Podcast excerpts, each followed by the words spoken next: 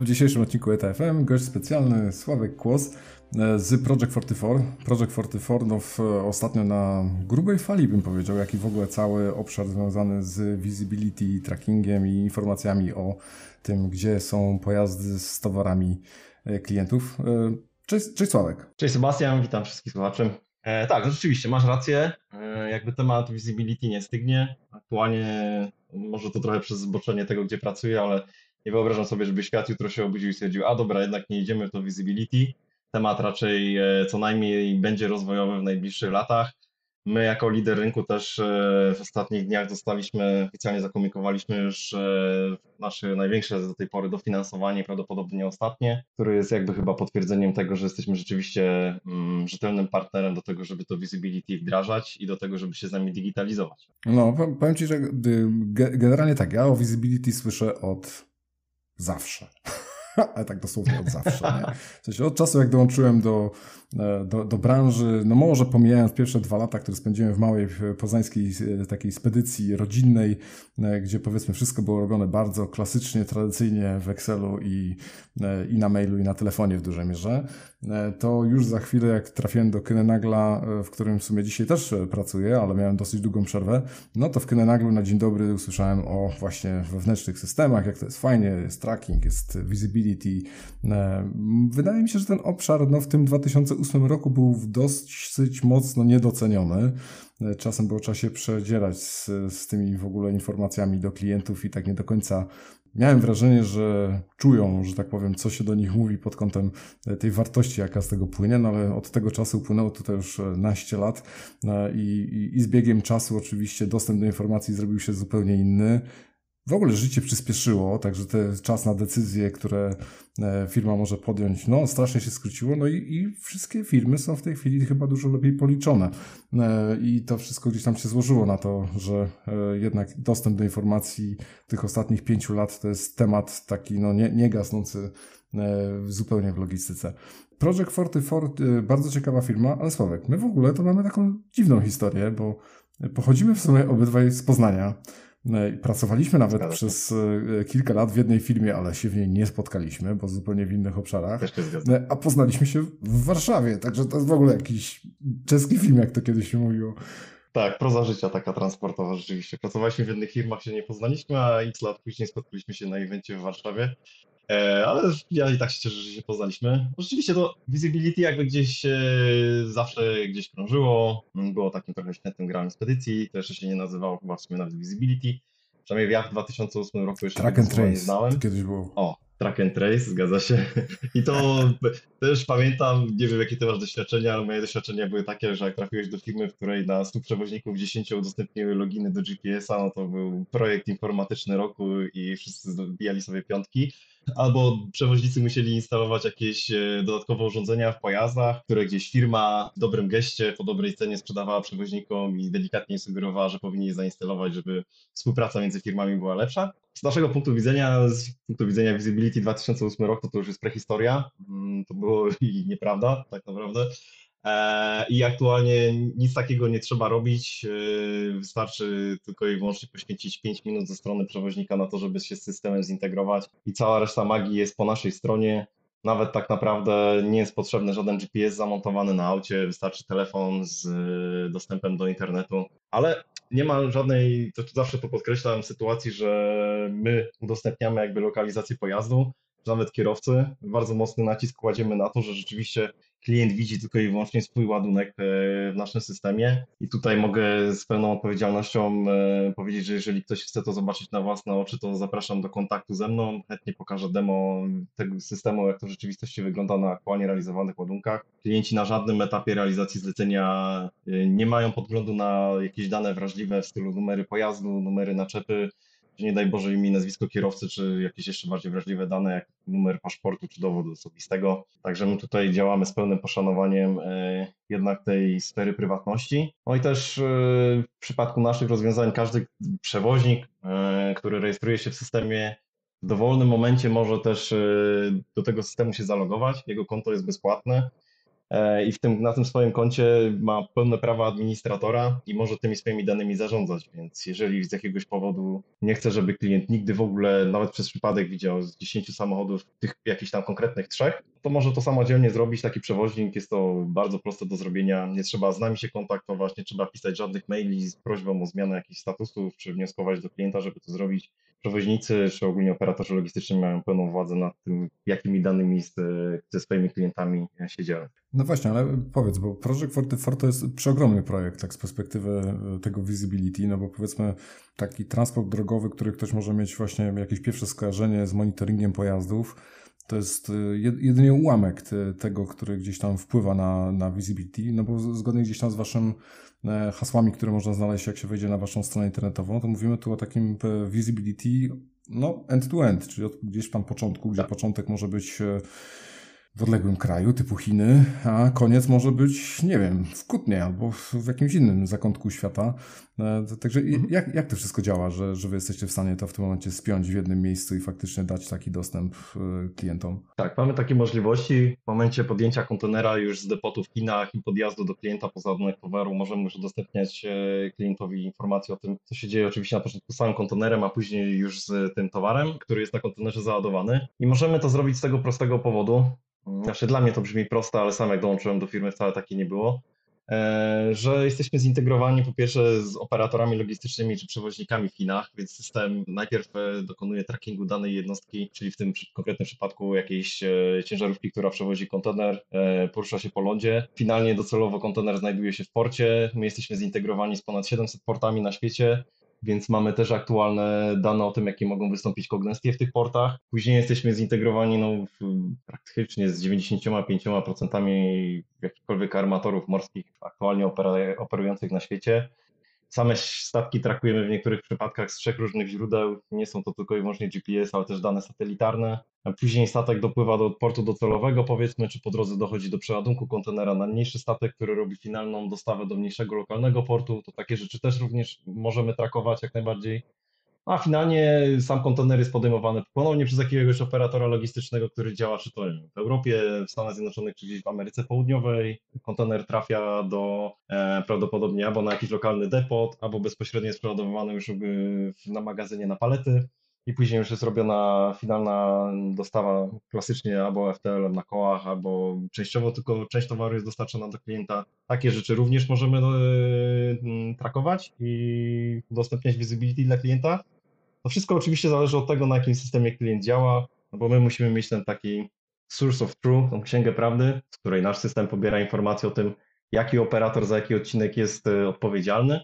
No i też jeszcze, bo to pewnie się zmieni, ale musimy mieć w danym momencie, przynajmniej jeżeli chodzi o drogówkę, informację, jaki auto realizuje transport, ale pracujemy nad tym, żeby ominąć e, ten etap, no bo jak wiemy z numerami aut bywa różnie. Przewoźnicy są zmuszeni do tego, żeby aktualizować e, konkretny pojazd na konkretne zlecenie w ostatniej chwili, a jak będą spedytorzy logistycy też są mocno obciążeni aktualnie pracą, więc też nie zawsze mają czas na to, żeby te dane poprawić w systemie. Więc żeby uniknąć e, sytuacji, w których naczepa z towarem z Gdańska zamiast jechać do Wrocławia zmierza ku Berlinowi, w systemie klienta to na razie nie chcę zdradzać szczegółów, ale prowadzimy już zaawansowane prace, żeby... No wiesz co, tak wiesz, myślę, że każda osoba, która tego wysłuchała i tak wiesz, pewnie z niedowierzaniem e, pierwszy raz tę wiedzę przyjmuje, bo wiesz, no, z jednej strony operator tak. logistyczny, z drugiej strony przewoźnik, dalej jeszcze czasem jakieś kolejne warstwy i tak naprawdę zanim dojdziemy do tego, gdzie jest ten samochód i który to jest samochód, to jeszcze trzy razy firma zmieni po drodze, nie?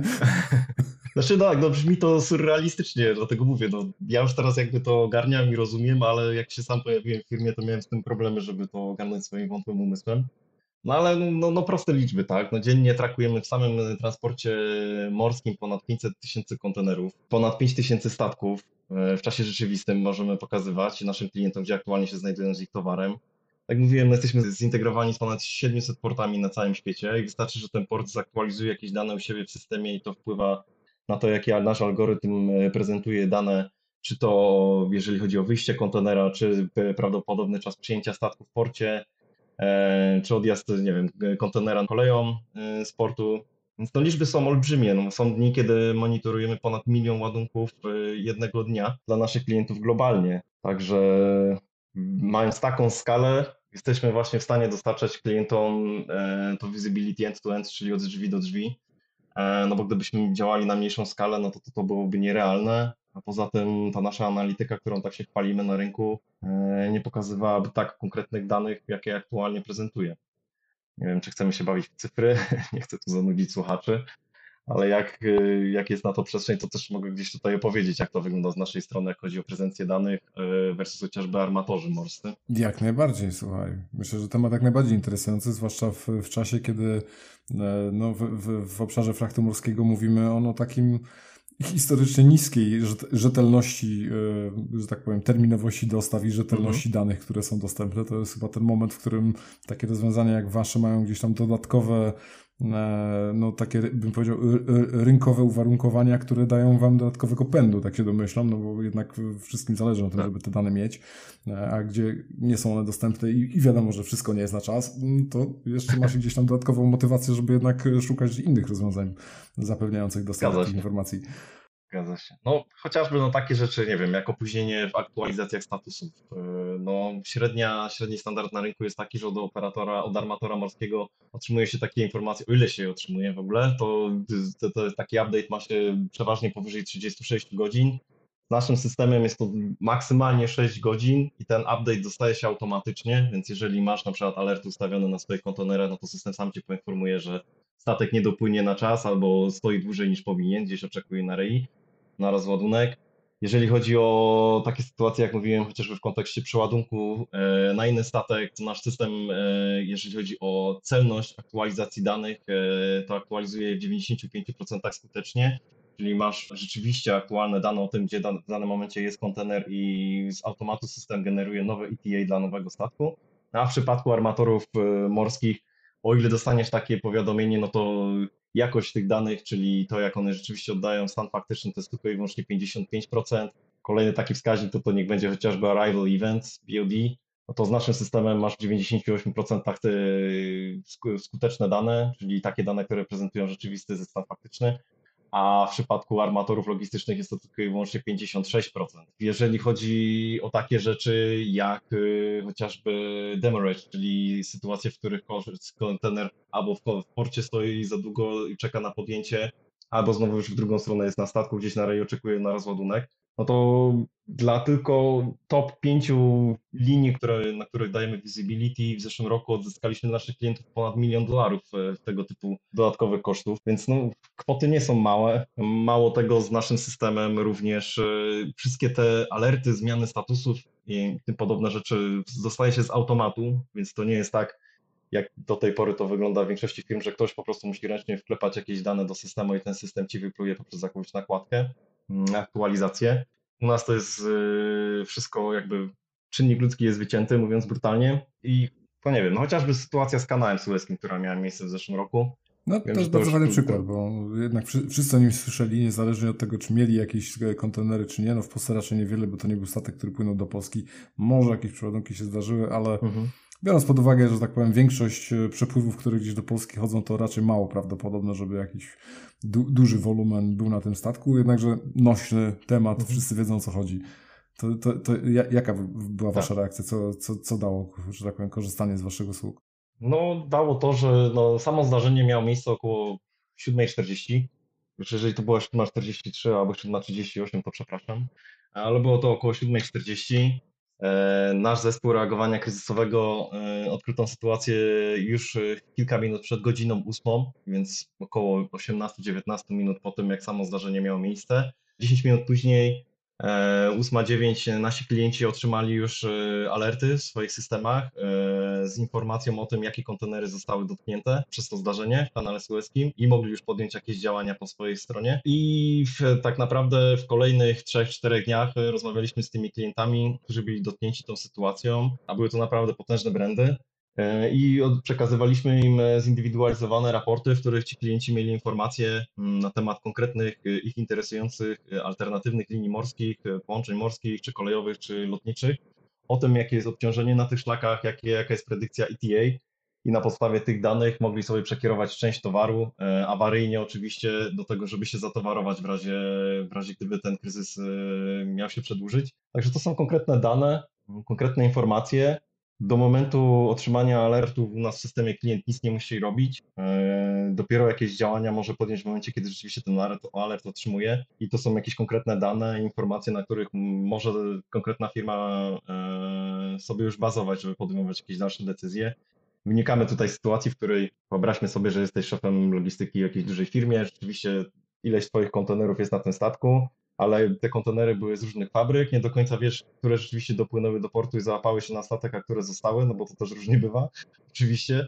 Y, a z naszym systemem, no tak jak teraz rozmawiamy, no siadasz, logujesz się, wchodzisz na statek, patrzysz, ok, te i te i te są, widzisz jakie SKU są za, załadowane na konkretne kontenery, masz konkretne informacje, już rzeczywiście możecie działać, tak? Wnikacie gdzieś połowy dnia takiego chaosu, wydzwaniania, obdzwaniania, sprawdzania, może tu, a może tam, a może ten kontener popłynął, a może nie popłynął, więc y, też całkowicie ten czynnik takiej niepewności jest w tym momencie wyeliminowany. Sławek, a powiedz, bo mam wrażenie, że tak słuchacze mogą czu czuć się trochę zgubieni, bo mówisz, wiesz, o, o tym informowaniu waszych klientów. Firma generalnie jest amerykańska, z siedzibą w Chicago. E, Polska tutaj na mapie w ogóle Project 44 no, jest takim, powiedział, prężnym ośrodkiem i to może wiele osób zdziwić w ogóle, że, że Project 44 w Polsce właśnie ma, że tak powiem, swo, swoje biuro. Także może, może jeszcze powiedz coś więcej w ogóle. Cóż, cóż, jak to się stało w ogóle, że ty jesteś w firmie, że, że, że firma jest w Krakowie? Kilka słów o tym może jeszcze. Jasne.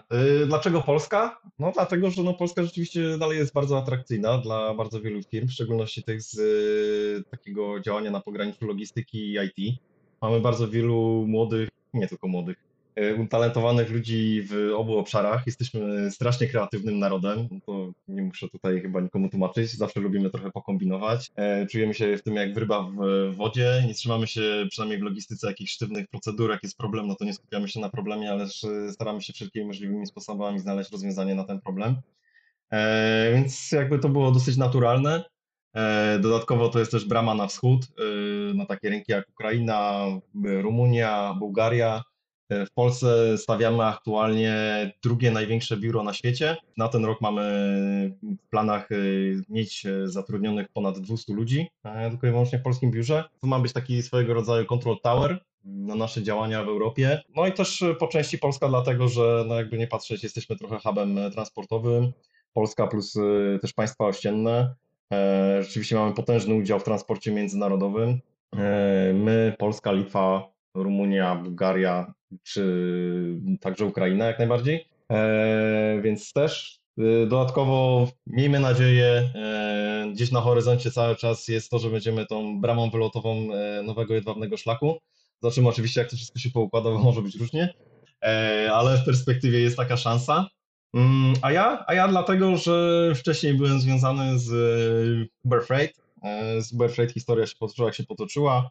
E, firma zdecydowała z uwagi na sytuację, jaka była wtedy na świecie, mam tu na myśli COVID, e, o wycofaniu się tymczasowo z rynku europejskiego, a gdzieś już w międzyczasie pracując w Uberze miałem kontakt z Project 44. No jakoś tak naturalnie to wszystko wyszło, można powiedzieć, po dżentelmeńsku.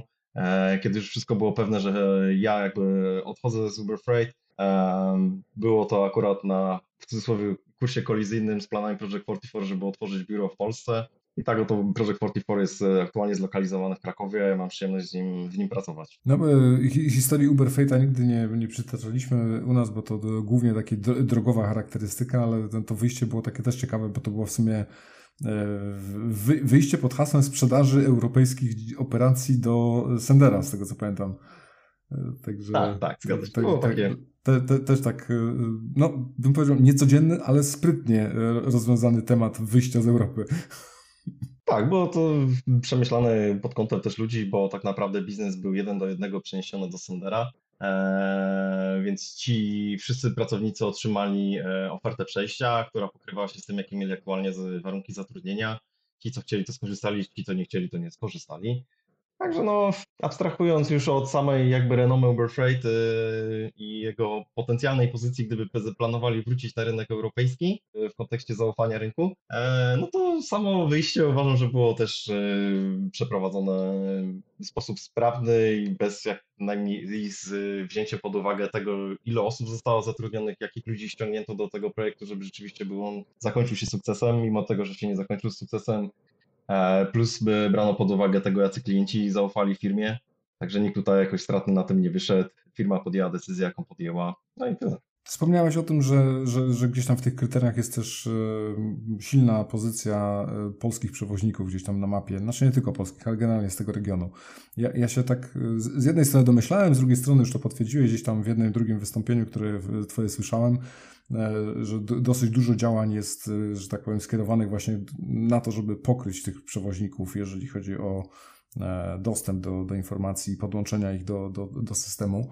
E, mhm. A powiedz mi, jaka jest wartość dla przewoźnika w tym? Bo to jest taki temat, mam wrażenie, tabu, który przez wiele, wiele lat był bardzo trudny, żeby ugryźć. E, co z tego ma przewoźnik, że on jednak tymi danymi się dzieli? No bo tak, no, większość to... z nich, można powiedzieć, tak trochę patrzy bardziej przez pryzmat pewnie, nie kontroli, a oni będą widzieć, gdzie my jeździmy, a, a, a wiesz, jednak na przestrzeni lat wiele dziwnych rzeczy się działo, że tam przewoźnik jedno mówił, a drugie było, a pojechał inny samochód, no to też no, przytoczyłeś. Temat rzeka, to jest temat rzeka, nie wchodźmy w to. No ja tak, akurat jak chodzi o przewoźników, to trochę im się nie dziwię, mm, że mają taką, takie podejście do tematu.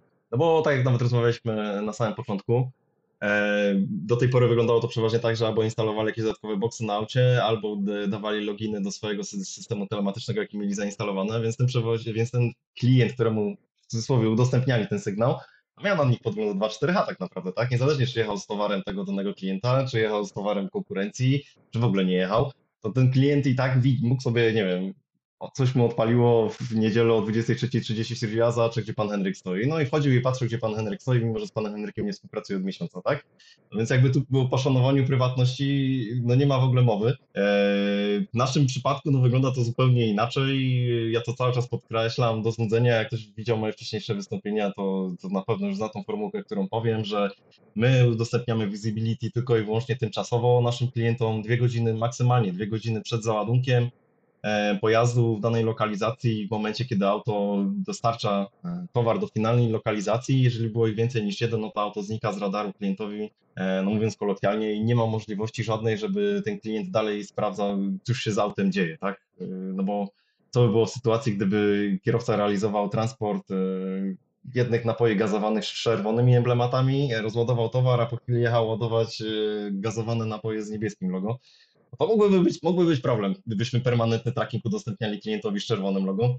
E, więc y, w przypadku naszej technologii no, absolutnie nie ma takiej możliwości. A mało tego, też jesteśmy świadomi tego, jak rynek wygląda. Często dochodzi do sytuacji takich, które gdzieś trzeba się posiłkować autem zewnętrznym, więc y, też wychodzimy z takiego założenia, że to jest umowa y, między danym przewoźnikiem i podwykonawcą. O tym to ten transport finalnie realizuje. Jakby klient, nasz klient nie musi być tego świadom, że taka sytuacja miała miejsce, jeżeli wszystko jest zrealizowane zgodnie ze zleceniem i no to jakby przewoźnik działa w ramach aktualnie obowiązującego prawa przewozowego w Polsce i tyle, a to jest tylko, a sama umowa zrealizowania tego transportu przez firmę trzecią no jest też e, owiana jakimiś tajemnicami i my tych tajemnic nikomu absolutnie nie udostępniamy. I tak jak mówiłeś, w tym roku będziemy dawać bardzo duży nacisk na to, żeby, tych, e, żeby rynek przewoźnika edukować, mm, żeby trochę odczarowywać e, to całe visibility, pokazywać jak to dokładnie wygląda. My jakby nie mamy ze swojej strony nic do ukrycia, też zamierzamy podjąć współpracę z różnego rodzaju stowarzyszeniami przewozowymi. E, oczywiście rozmowy jeszcze trwają, więc finalnie zobaczymy, jak to wszystko się wyjdzie, ale jesteśmy bardzo mocno w tym zdeterminowani, żeby to zrobić, no bo jeżeli chcemy osiągnąć sukces na rynku, no to rzeczywiście musimy pokazać e, przewoźnikom, jak to wygląda, no bo oni udostępniają tak czy owak, no, jakąś tam lokalizację tego pojazdu, E, więc jeżeli z nimi nie będziemy skutecznie współpracować, no to nie będziemy w stanie dostarczyć skutecznych rozwiązań dla klientów. Mm, więc to się musi wydarzyć. E, I same wartości dla przewoźnika, no to oczywiście zależy od tego, mm, jaki przewoźnik ma biznes. No bo ja mm, też zawsze marketing dla mnie się gniewa, jak to mówię, ale nie boję się tego powiedzieć. No jeżeli rozmawiam z firmą, gdzie są dwa pojazdy, jeździ E, dwóch braci na dwóch autach, to jest firma rodzinna, od 15 lat pracują tylko i wyłącznie z jedną firmą, z panią Henią, z panem Mieciem z logistyki, jeżdżą w kółko, e, te same trasy, to jakby my tu nie mamy nic do zaoferowania, no wszyscy są zadowoleni, tak, i logistycy z tej firmy, z którą współpracują, no, nie oczekują visibility, bo mają mały biznes i te dwa auta powiedzmy, że wystarczą, E, a tych dwóch kierowców no też jakby no, robi tylko i wyłącznie to, więc e, nic tutaj nie wniesiemy. No ale jeżeli przewoźnik ma większy biznes, działa z większą liczbą e, klientów, albo chociażby z jednym naprawdę dużym graczem, e, z jakimś biznesem na poziomie enterprise, to rzeczywiście to visibility będzie wymagane prędzej czy później. E, a taki przewoźnik zyskuje to, że po pierwsze ma dostęp do tego biznesu, e, po drugie nie ma telefonów, za ile będzie, o której będzie, gdzie będzie, e, albo gdzie aktualnie się znajduje. Klient to wszystko ma podane, widzi gdzie aktualnie ładunek się znajduje poprzez naszą platformę, a mało tego też przewoźnik może iść do klienta, który korzysta z naszych rozwiązań i jeżeli chcą porozmawiać o swojej jakości współpracy, to mogą to zrobić na podstawie naszych danych, e, które my dostarczamy, bo to są konkretne informacje, których nie można w żaden sposób manualnie zmanipulować. Jeżeli auto zawsze jest na czas, a później czeka 6 godzin na jakimś zakładzie, no to po prostu tak jest. Nikt nie siedział i po złości nie przepisywał jakichś godzin, żeby taki był wynik. A w drugą stronę, jeżeli auto notorycznie się spóźnia i przez to stoi, no to też po prostu tak jest. E, więc tutaj można naprawdę fajnie, konkretnie pogadać, szczególnie, że te nasze dane są zaprezentowane w bardzo przystępny sposób i łatwo konsumowalne e, dla jednej i drugiej strony. I jeszcze ostatnia rzecz, no to na pewno ten elektroniczny obieg dokumentów. Ostatnio robiliśmy ciekawą taką analizę w przypadku nie wiem, firmy, która ma 15 samochodów, które jeżdżą na jakichś trasach międzynarodowych 5 dni w tygodniu i codziennie każde to auto realizuje jeden transport. Wyszło nam, że z naszym rozwiązaniem przewoźnicy, taki przewoźnik, taka firma transportowa jest w stanie zaoszczędzić, to zabrzmi trochę śmiesznie, ale ponad 3000 dni e, w terminie płatności. A to dlatego taka liczba, no bo jest 15 pojazdów, średnio tydzień się czeka, co najmniej tydzień się czeka, zatem aż te dokumenty zjadą na bazę i wtedy dopiero można wystawić fakturę. Plus jeszcze tydzień na to, żeby klientowi dostarczyć tą fakturę, no bo tak y, to przeważnie wygląda. No i oczywiście dopiero wtedy leci nam e, termin płatności na takiej fakturze, więc no taka ilość dni, kiedy możemy mieć rzeczywiście szybciej te pieniądze i sobie poprawić tą płynność finansową. I to nie płacąc dodatkowo za żadne rozwiązanie, no bo to jest bezpłatne rozwiązanie dla przewoźnika. No, uważam, że jest bardzo dużą wartością, szczególnie dla tych mniejszych i średnich firm, które no, też nieraz muszą się ratować jakimiś kredytami obrotowymi czy szybkimi pożyczkami w banku a to też niesie ze sobą jakieś konkretne pieniądze, tak? No, gdzieś jest prowizja, gdzieś jest jakiś... To już da się wymiernie policzyć, nie? Tak, gdzieś są jakieś procenty do zapłacenia, więc te pieniądze później się rozchodzą, no, a sytuacja na rynku jest taka, jaka jest i każdy przewoźnik tą złotówkę cztery razy już chyba ogląda aktualnie. Więc trochę tych korzyści jest, trochę jest. Koszt zaangażowanego kapitału w logistyce to jest przeogromny temat, ale głównie gdzieś tam po stronie bym powiedział jednak tych e, firm, które e, obracają towarem, bo oni dobrze wiedzą, ile kosztuje zamrożony kapitał y, w towarze gdzieś, y, no, zwłaszcza tych, gdzie towar, że tak powiem, jest długo w tranzycie, czyli na przykład importujących z Dalekiego Wschodu, no to to już się zaczyna liczyć w tym momencie, ile kosztuje mnie e, zaangażowanie właśnie, nie wiem, załóżmy 100 tysięcy dolców w kontener telewizorów. Ja kiedyś taki projekt właśnie robiłem. Tak E, z jedną z, z firm z branży elektronicznej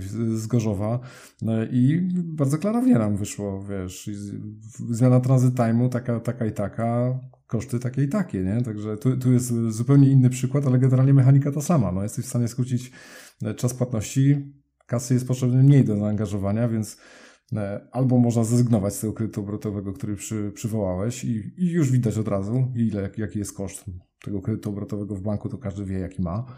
E, albo jest w stanie przeznaczyć tą kasę na, nie wiem, inwestycje w, w cokolwiek. Oczywiście, że tak. Także, Oczywiście, także tak. To, też to, nawet. To wymierna wartość. Tak, no to są konkretne pieniądze. Oczywiście to już każda firma musi sobie sama policzyć. Jeżeli myślimy o tej samej firmie z Gorzowa, o której ja myślę, no to rzeczywiście tam pieniądze są konkretne, ale uważam, że nawet jeżeli nie musimy mówić o milionach, ale nie wiem, 50 tysiącach czy 100 tysiącach dla firmy która ma nie wiem, do 10 samochodów i z czego 6 robi, pracuje na rynku krajowym, a 4 na rynku międzynarodowym, no to są potężne pieniądze, tak? To jest potężne obciążenie, które jakiś ten przewoźnik musi spłacić. Czy tego chce, czy nie chce, no bank w końcu po te pieniądze przyjdzie, to tak, tak, tak samo jak z leasingiem. No ale też jest e, taka wartość dodatkowa, mm, o której my jakby nie mówiliśmy, a to dlatego, że nie byliśmy świadomi do końca, że trzeba o tym mówić. Czyli no jakby panuje, panuje COVID, tak? Od dwóch lat żyjemy już w pandemii coraz częściej ludzie są albo na kwarantannie, albo pracują z, po prostu z home office. No, rynek pracy też się zmienił. Ten home office nagle nie jest taki straszny, jak go wcześniej malowali i coraz częściej ludzie tak pracują. I też tymi ludźmi jest bardzo ciężko zarządzać. No, to jest zupełnie inny świat, kiedy połowa pracowników pracuje z domu. Operacje muszą się toczyć, no, transport nie stanie nagle w miejscu. E, no bo jeżeli stanie, no to też my też staniemy w miejscu tak naprawdę, no bo to jest krwiobieg gospodarki e, i naszego codziennego życia.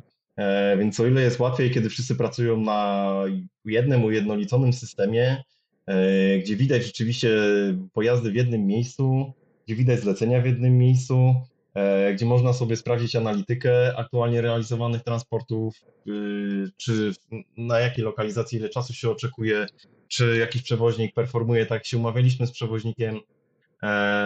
To też są ważne rzeczy, o których często się nie pamięta. A te systemy informatyczne, no nie oszukujmy się, no, są różne i różniaste, przeważnie te droższe są trochę lepsze, ale to też nie zawsze tak jest.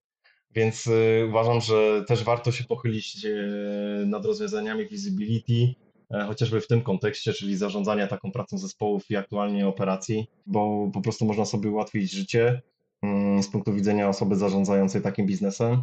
No i też y, lepiej się można zaprezentować w oczach klienta, który boryka się z podobnymi rzeczami, z podobnymi problemami. I takiemu klientowi to już z perspektywy nawet skali, no nie ma tych 10 samochodów, tylko ma aktualnie, nie wiem, 200 transportów aktualnie realizowanych, więc mu to już w ogóle jest jeszcze ciężej zarządzić tym wszystkim. Więc w momencie, kiedy wrócimy do normalności, o ile to w ogóle będzie możliwe, e, albo chociażby w miarę się unormuje cała sytuacja, jaka jest na świecie, też będziemy zupełnie inaczej postrzegani przez takiego klienta, jeżeli byliśmy otwarci na różnego rodzaju zmiany i do tego, żeby się dostosować do jakichś nowych wymagań. No właśnie, a, a jak myślisz w ogóle, jak jak to będzie wyglądało w przyszłości tutaj? E, w jednym z webinarów, w których brałeś udział, tak e, mocno mi utkwiła w pamięci taka wypowiedź jednego z operatorów logistycznych. Nie będę już tam przytaczał konkretnie nazwy, ale no, informacja była taka no, wręcz brutalna i to może za, zacytuję, że jeżeli ktoś nie będzie udostępniał sygnału, mowa oczywiście o przewoźnikach, to w ogóle nie dostanie zleceń. To, to cytat od, od, jednego z operatorów logistycznych. E, taki dosyć dosadny, dlatego nie będę cytował od którego, e, ale w, w którą stronę zmierzamy w ogóle pod, pod kątem tego, e, tej współpracy i jak to będzie wyglądało w przyszłości, Twoim zdaniem? Ja mam bardziej umiarkowane podejście do tego. Oczywiście bardziej składam się ku wizji temu, tego, że rozwiązania visibility będą tak powszechnie dostępne, tak po prostu oczywistą rzeczą na rynku, rynek się do tego przyzwyczai, wszyscy nauczą się pracować w nowej codzienności, w codzienności z, z visibility, jakby auta dalej będą się spóźniać z różnych powodów, i to nie z powodu visibility, tylko po prostu dlatego, że tak jest. Jedyna różnica będzie taka, że klient będzie o tym wiedział i będzie mógł jakoś zareagować po swojej stronie, e, a przewoźnik będzie miał e, też jakąś lepszą wiedzę o tym, co się dzieje, E, też nie będzie otrzymywał co chwila 5, co 5 minut telefonów o tym, czy auto może jednak przyspieszyło do 250, jednak się wyrobi, czy nie. Plus te wszystkie inne rzeczy, które idą za tym visibility, a o których już rozmawialiśmy, będzie tak powszechne, że wszyscy przewoźnicy będą z tego korzystać. E, klienci też nie wyobrażam sobie, żeby nagle mieli się odwrócić od visibility, no bo niesie to dla nich za dużą wartość I, i, i raczej w tą stronę to pójdzie. Czy rzeczywiście będzie tak, że wszyscy nagle powiedzą, że jak nie jest pan zintegrowany, no to nie ma pan ładunku? No to jest trochę odważna teoria.